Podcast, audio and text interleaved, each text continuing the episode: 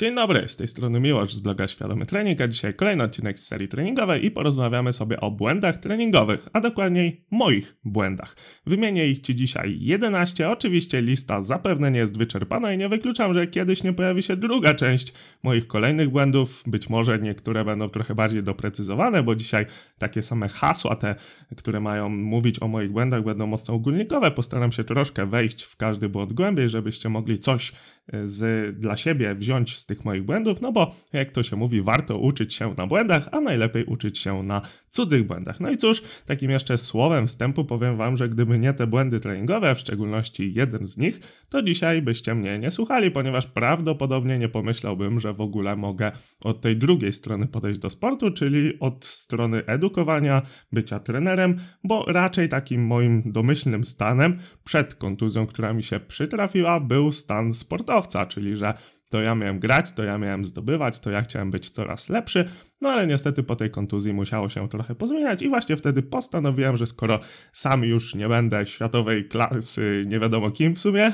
bo tak naprawdę tych dyscyplin trochę było, no to spróbuję komuś przekazać tę wiedzę, która przez już wtedy czy to było naście? Nie, to było jeszcze duża jednocyfrowa ilość, to było chyba 8 lat, kiedy trenowałem już siłowo, więc trochę tej wiedzy się nazbierało. Też oczywiście, kiedy zaczynałem, to dostęp do wiedzy nie był tak powszechny jak dzisiaj, no niemniej wydawało mi się, że komuś mogę w czymś pomóc i właśnie tak się cała moja przygoda zaczęła. Także widzicie, trzeba zawsze z każdego błędu wyciągnąć wnioski i wziąć dla siebie coś pozytywnego.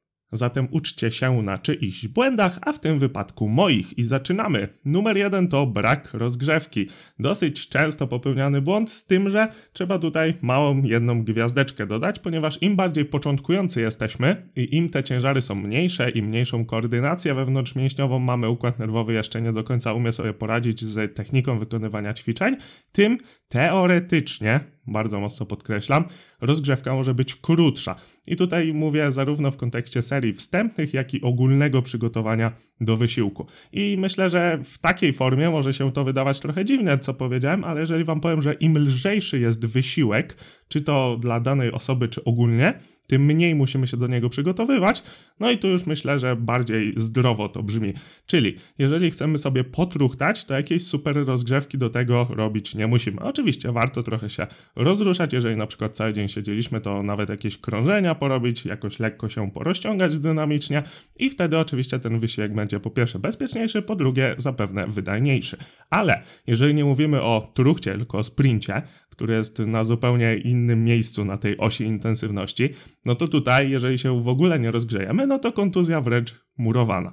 I trochę też tak jest w treningu siłowym, że na samym początku, kiedy osoby początkujące często w ogóle się nie rozgrzewają, idą e, po prostu na sztangę, to przez długi czas zdaje to egzamin. Z tym, że im te ciężary są większe, tym dłużej musimy się do nich przygotowywać i trzeba mieć tego świadomość. Więc jeżeli do, dołożyło ci się trochę od, do sztangi od początkowych okresów trenowania i cały czas się nie rozgrzewasz lub robisz tę rozgrzewkę po łebkach, to naprawdę warto by było się zastanowić, bo tak naprawdę poświęcasz sobie te 10, 15, 20 minut, a w zysku w zamian za to masz tak naprawdę bezpieczny trening i lepszy trening przede wszystkim, no bo Rozgrzewka, jak to często mówię, to jest pierwszy element regeneracji, ponieważ kiedy bardziej dokrwisz mięśnie, tkanki miękkie, no to już od tego momentu tak naprawdę, kiedy zrobisz pierwszą serię, nawet te serie wstępne, to ten przepływ składników odżywczych będzie lepszy i ta regeneracja będzie postępować szybciej. Także rozgrzewka jest tak naprawdę pierwszym elementem regeneracji. Jeżeli będziemy się dobrze rozgrzewać,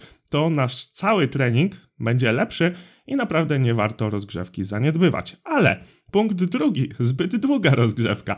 Cóż, y, może trochę śmiesznie się to wydawać, ale tak zarówno w jednej skrajności, jak i w drugiej byłem. No to druga była szczególnie w tych czasach, kiedy trochę bardziej trójbojem się interesowałem. No i swego czasu, właśnie akurat wtedy, kiedy trenowałem trójboj, to było to popularne, żeby tarzać się po rolkach, rozciągać, mobilizować przez godzinę, zanim w ogóle się dotknie sztangi.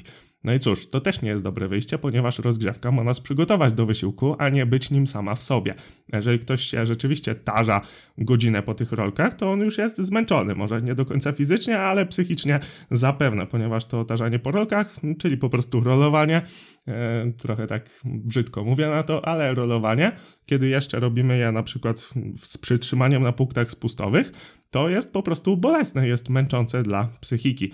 Zatem, no cóż, zbyt długa rozgrzewka też nie przekłada się pozytywnie na trening i też jest błędem treningowym, moim zdaniem. I żeby tak te dwa punkty tu podsumować, to moim zdaniem optymalna rozgrzewka zawiera się pomiędzy 10 a 30 minut. I w tej części powinna być zarówno część ogólna, czyli podniesienie temperatury ciała, jak i specyficzna. Jeżeli rozgrzewamy się krócej, to być może ta rozgrzewka nie jest wystarczająco długa. Jeżeli rozgrzewamy się dłużej, no to trzeba się zastanowić, czy jeżeli musimy się tyle rozgrzewać, żeby w ogóle zrobić trening, czyli na przykład, żeby doprowadzić nasze stawy do takiej ruchomości, żebyśmy zrobili docelowe ćwiczenie, no to bym się zastanowił, czy na pewno z naszym planem treningowym wszystko jest ok, bo być może no ciało daje nam znać, że coś, coś jest niehalo, a my cały czas staramy się iść w zaparte i niczym dobrym to się nie skończy.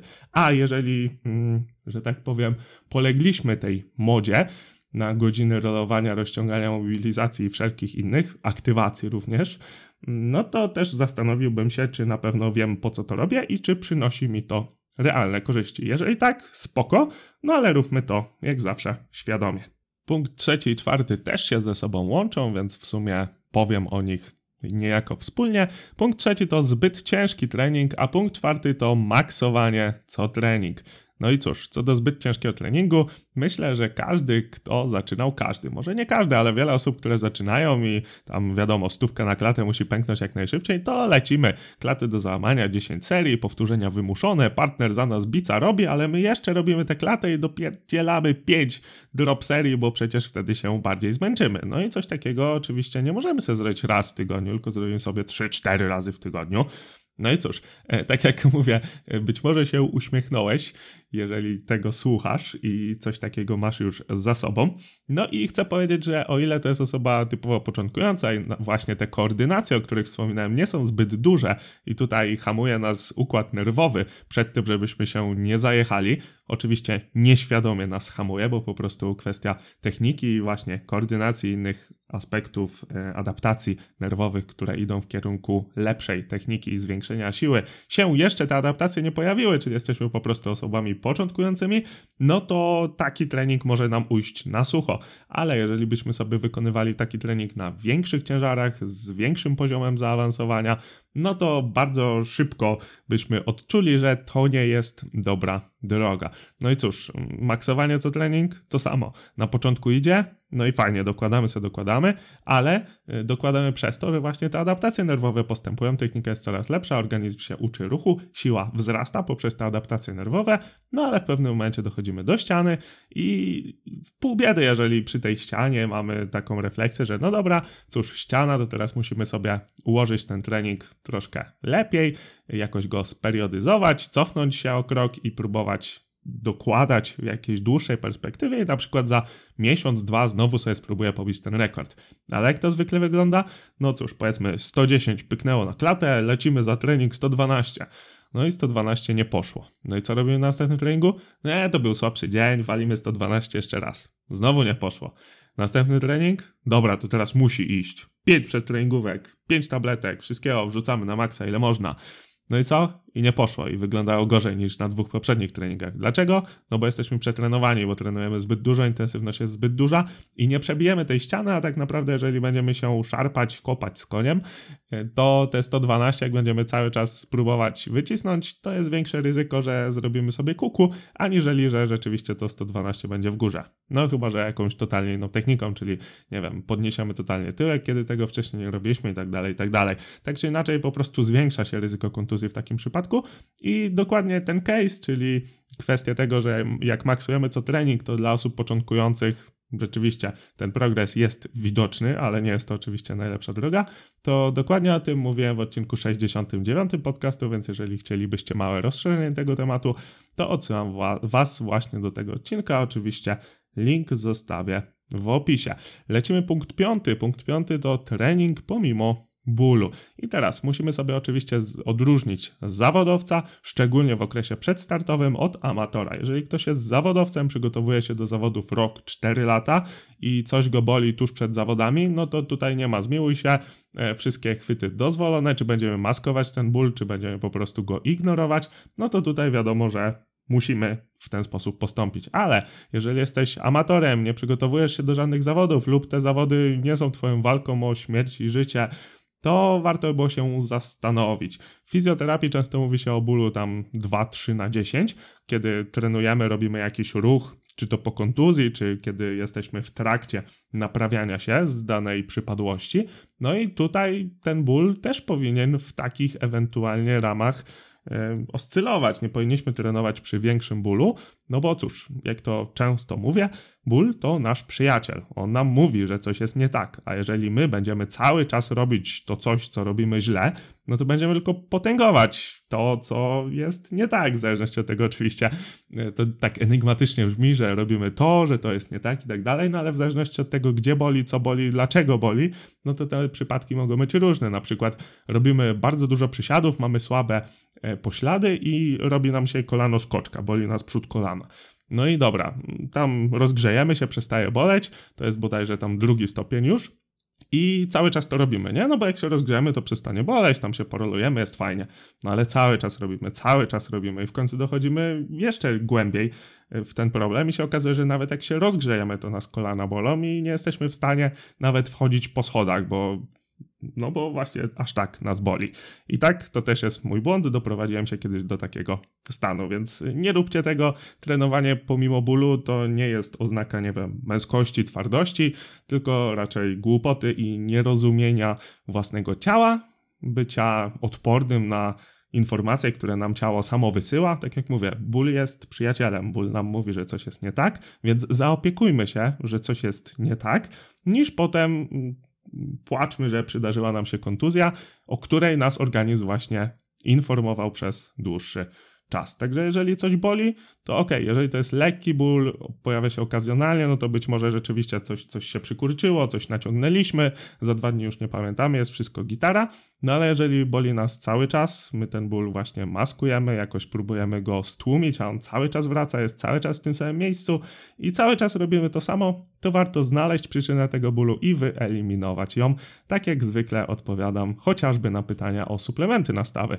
Kiedy ktoś mnie pyta, jaki suplement nastawy brać, bo nie wiem, kolagen nie pomaga czy coś, no to ja zawsze mówię suplementów niekoniecznie, ale może dowiedz się, dlaczego cię boli. Wyeliminuj tę przyczynę, no bo jeżeli będziesz cały czas brnął w te złe techniki i cały czas potęgował te mikrourazy, które tam się nawarstwiają, no to koniec końców cokolwiek nie weźmiesz na te stawy, nawet jeżeli by zadziałało od razu i by było świetne, to będzie tylko maskować ten ból, więc to po prostu nie ma sensu. Numer 6. Totalny brak ruchu i tutaj chodzi mi o ten ruch aerobowy, czyli innymi słowy cardio. Miałem taki okres w swoim życiu, pierwszy rok studiów, trochę wolności. E, studia były takie, że no na wykłady z definicji nie chodzę, ale miałem naprawdę ogrom wolnego czasu. Tak naprawdę to siedziałem całe dnie w domu i się nudziłem, nic nie robiłem, tylko e, grałem sobie na kąpie, chodziłem na siłkę, gdzie na tej siłce potrafiłem spędzić 3 godziny. No i czasem od święta poszedłem na zajęcia. Naprawdę tak to wyglądało. Moje dni się tak przewijały, tak wiem, straszne marnotrawstwo czasu i teraz y, w tej perspektywie na to patrzę, ale być może również to mi było potrzebne, gdybyśmy sobie popatrzyli tak y, z większej perspektywy. Tak czy inaczej, tak jak mówię, siedziałem dużo przy kąpie, na siłce byłem 3 godziny, co oczywiście mogłoby się wydawać, że dosyć dużo i ta siłka była, nie wiem, chyba 4 czy 5 razy w tygodniu, bo ta regeneracja oczywiście była spoko, spałem do oporu tam po 10-12 godzin, nierzadko, nie miałem jakichś tam stresów, innych, nie wiem, aktywności, które by mnie mocniej obciążały, chociaż grałem w siatkę wtedy, więc to też trzeba by było wziąć poprawkę. No tak czy inaczej, jedyna moja aktywność, która była, no to właśnie siłownia przez jakiś czas. No i co? No i nie było w ogóle tego ruchu aerobowego i nic mi się nie stało akurat a propos tego. Moja kondycja cały czas była na mniej więcej spoko poziomie, spoko jak dla mnie, bo no wiadomo, jeżeli ktoś tylko trenuje siłowo i nie dba o ten system energetyczny tlenowy, no to jego kondycja raczej za dobra nie będzie, ale dopóki jest ona, że tak powiem, akceptowalna, to jest jeszcze wszystko ok i całe szczęście u mnie była akceptowalna, ale jak najbardziej chcę Wam tutaj zwrócić uwagę, że warto dbać nie tylko o ten system beztlenowy, ale o ten tlenowy również zdecydowanie warto zadbać i to nie musi być bieganie maratonów, to wystarczy, że będą te podstawowe ruchy, chociażby no to minimum, które WHO zaleca, czyli 150 czy tam 300 minut aktywności mało intensywnej tygodniowo. No to jest takie naprawdę minimum i wydaje mi się, że każdy jest w stanie wygospodarować sobie czas i chęci, żeby taką aktywność podjąć. No i też oczywiście podkreślam, że ma być to taka aktywność, która sprawia nam przyjemność, czyli nie zmuszajmy się do biegania jak nie lubimy. Spacery też są spoko, nawet często bardziej spoko. Numer 8. Częsta zmiana celów treningowych, czy też po prostu brak konsekwencji. I to się w sumie łączy z punktem 10, o którym też przeczytam. Dziewiąty jest tak po środku. I tutaj było a propos braku planu, czy też częstego zmieniania ćwiczeń. I te punkty się łączą między sobą, ponieważ, tak jak wspomniałem, e, miałem okresy w życiu, w których trenowałem wiele rzeczy. Czyli na przykład siatkówkę, na przykład trójbój, na przykład dwubój, na przykład lubiłem sobie czasem przypopować bicka, robiłem całą siłkę w 20 minut, bardzo fajne czasy, bardzo fajnie takie treningi wspominam. Tak czy inaczej, po pierwsze tych celów treningowych było bardzo dużo i gdybym miał sobie to rozplanować na kartce, to było to no niezłe i ciekawe w sumie zadanie, żeby to wszystko ogarnąć, żeby miało ręce i nogi, żeby wszędzie była jakaś tam progresja i żeby wszystko się przekładało dobrze na docelową rzecz, którą by była prawdopodobnie wtedy siatkówka, ale wszystko było tak na łapu capu, planu zapisanego nie miałem, chociaż często mówię, że moje plany są częściej w głowie niż na papierze, bo wiem co mam robić, wiem jak mam dokładać, wszystko mam mniej więcej poukładane, ale na papierze mojego planu nie znajdę, co też nie jest do końca dobre, bo na przykład nie możecie się cofnąć o rok, i zobaczyć, jak to wyglądało wcześniej, jak to wygląda w kontekście progresu. Nie zawsze będziecie też pamiętać, jak dane metody treningowe na Was działały, a jeżeli chcecie tak naprawdę zagłębić się, czy to w budowanie masy mięśniowej, czy też w trójbój siłowy, to warto by było takie dzienniczki prowadzić, żeby właśnie mieć potem informację, że o, kiedyś zrobiłem taki plan i tutaj na przykład pierwsze 8 tygodni szło spoko, a od 8 tygodnia coś się, coś się zatrzymało i możesz przeanalizować, dlaczego tak było i spróbować zrobić jeszcze raz podobną metodę treningową, tylko na przykład wydłużyć progresję i zamiast 8 tygodni wydłużyć to na 16, zrobić powiedzmy sobie schodki i być może okaże się, że to będzie złoty gral i miałeś ścianę na jakimś ćwiczeniu przez, nie wiem, parę miesięcy, zrobić tą metodę i okaże się, że ciężar został magicznie dodany. Także warto mieć takie metody, które dobrze działają. Ja oczywiście mam też parę metod fajnych w głowie, które dobrze wspominam. Na niektóre nie mam wystarczająco czasu, niektóre w ogóle się nie wpisują w moje obecne cele. Mniej więcej to wiem, ale wiem, że gdybym miał zapisane, to bym miał tych informacji więcej. Także tutaj a propos dzienniczka treningowego, to z jednej strony takie latanie z notesem i zapisywanie każdej serii ok, jeżeli ktoś ma z tego tytułu przyjemność, jeżeli to lubi, nie jest to dla niego męczące, to nie widzę problemu. No, ja bym się raczej nie, nie porywał, żeby latać z notesem, ale tak jak mówię, to nie jest złe, po prostu chodzi o to, że to jest dla mnie trochę zbyt duże przywiązywanie uwagi do tego sportu. Tak jak mówię, jeżeli ktoś jest sportowcem, spoko. Tutaj też chciałbym rozróżnić. Jeżeli ktoś jest amatorem, a zdecydowana większość jest amatorami, i to też się bierze pewnie z tego, że mm, te osoby, które latają z notesami, które widzę, no to okej, okay, może są na początku swojej drogi, ale raczej na zawodowców nie wyglądają. Także są pewnie w tym tak zwanym newbie etapie, gdzie właśnie do wszystkiego przywiązujemy zbyt dużą wagę. No a pamiętajmy, że to jest gra długoterminowa. Dobra, tak czy inaczej, absolutnie nie mówię, że latanie z dzienniczkiem jest złe, po prostu ja siebie w tej roli nie widzę i samo zapisywanie całości treningów jest dla mnie wystarczające i też na przykład wystawianie sobie ocen za cały trening to jest fajna też metoda takiego feedbacku, który później można szybko przeczytać i się dowiedzieć, jak to wszystko wyglądało. Ok, a co do tych moich celów, czyli częstej ich zmiany, które tutaj zamieściłem jako błąd, no to właśnie wiele sportów i wiecie, z jednej strony chciałem skakać te 3,5 metra, z drugiej strony chciałem robić w martwym ciągu tam 250, z trzeciej strony chciałem podrzucić 120, z czwartej strony właśnie chciałem, żeby też bicek by nie był za mały, znaczy, akurat bicek to mnie nigdy zbytnio nie przejmował, ale chciałem sobie właśnie po prostu polatać po maszynach trochę, więc widzicie, że tutaj bardzo dużo tych celów. Tak naprawdę na żadnym nie byłem w pełni skoncentrowany, no i przez to wiadomo, że Żaden z nich jakoś bardzo mocno się nie spełnił, z tym, że tutaj też mała gwiazdeczka. Nie mam nic a propos tego, żeby do wielu celów sobie trenować. To jest jak najbardziej spoko i nawet to propsuje, tylko trzeba mieć świadomość, że właśnie nie może być dobrzy we wszystkim, tak? Jeżeli nie jesteśmy ukierunkowani na jedną konkretną dyscyplinę, no to wszystkie możemy, we wszystkich możemy być przeciętni, ale w żadnej prawdopodobnie nie będziemy super. No chyba, że są jakieś sprzyjające okoliczności, genetyka i tak dalej, i tak dalej. Także częsta zmiana celów treningowych, tak ogólnie rzecz ujmując, tutaj troszeczkę z moimi doświadczeniami, z tym komentarzem, na pewno to jest spory błąd treningowy, która, które, który to błąd większość osób niestety popełnia. I z tym się wiąże też brak konsekwencji, o którym wspomniałem. Dobra, punkt dziewiąty to nadmierne skupianie się na ciężarach.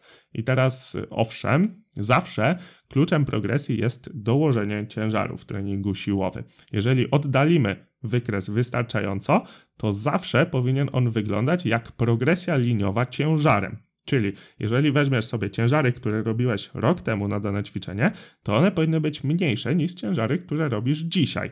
I to bez zależności od tego, co działo się wcześniej. Nie wiem, czy jesteście w stanie sobie to wyobrazić. Ja zawsze lubię myśleć wykresami. No i teraz, obojętnie jak wykres pomiędzy A a B wygląda, to kluczem jest to, żeby to B było nad A. B jest później, B jest dzisiaj, A jest na przykład rok temu, nie?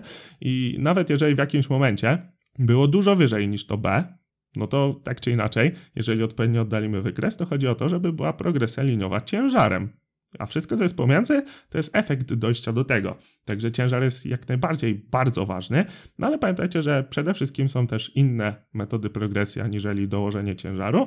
No i to, o czym już dzisiaj wspominałem, czyli jeżeli zrobiłeś rekord 110 na ławie, to do 112,5 może ci zająć na przykład pół roku, żeby dojść. Niekoniecznie musisz to robić na kolejnym treningu i niekoniecznie to się powiedzie. Także pamiętajcie, że y, serie na mniejszych ciężarach, serie, w których nawet nie zbliżamy się do upadku, to nie są bez różnicy celu. W hipertrofii też. To nie są serie, które są, nie wiem, stratą czasu, stratą regeneracji, w ogóle bez sensu. Nie, jak najbardziej one też mają miejsce i nawet jeżeli są to serie na jakieś tam 60% maksa, 5 powtórzeń to jeżeli są mądrze rozpisane, to one też mają swój cel i to, że to będzie bardzo lekkie, to nie znaczy, że dokładamy ciężaru i zamiast 60% to sobie zrobimy 80%, żeby w ogóle coś poczuć. No nie do końca. Nie zawsze ten ciężar jest najbardziej kluczowy. Oczywiście, tak jak mówię, jeżeli oddalimy wykres, no to powinna być, powinna być ta progresja w dłuższym czasie, ale w małej perspektywie, czy to mikrocyklu, czyli tygodnia treningowego, czy wręcz mezocyklu, ten ciężar gra już trochę mniejsze znaczenie. No i tutaj wpadają oczywiście wszelkie kwestie programowania treningowego. I autoreklama przy okazji, jeżeli chcesz nauczyć się rozpisywać skuteczne plany, to odsyłam Cię do kursu rozpisywania planów treningowych, w których nauczysz się właśnie skuteczne plany rozpisywać. Wszelkie info masz w opisie. A teraz przechodzimy do punktu numer 11 i jest to przecenianie swojej siły. I tutaj znowu programowanie treningowe, rozpisywanie planu samemu sobie, to też jest taką powiedzmy pułapką, bo ciężko jest samemu sobie plan rozpisać.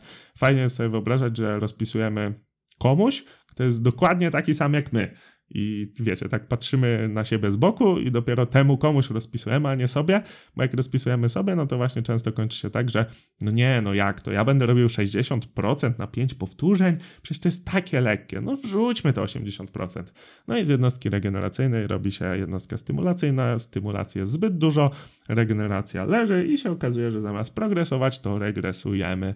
Także tutaj w tym kontekście akurat przy moim błędzie, no ale przecenianie swojej siły to również jest to, o czym mówiłem w, tym, w tej próbie desperackiej dołożenia tych 2,5 kg do sztangi, ale również w kwestii regeneracji.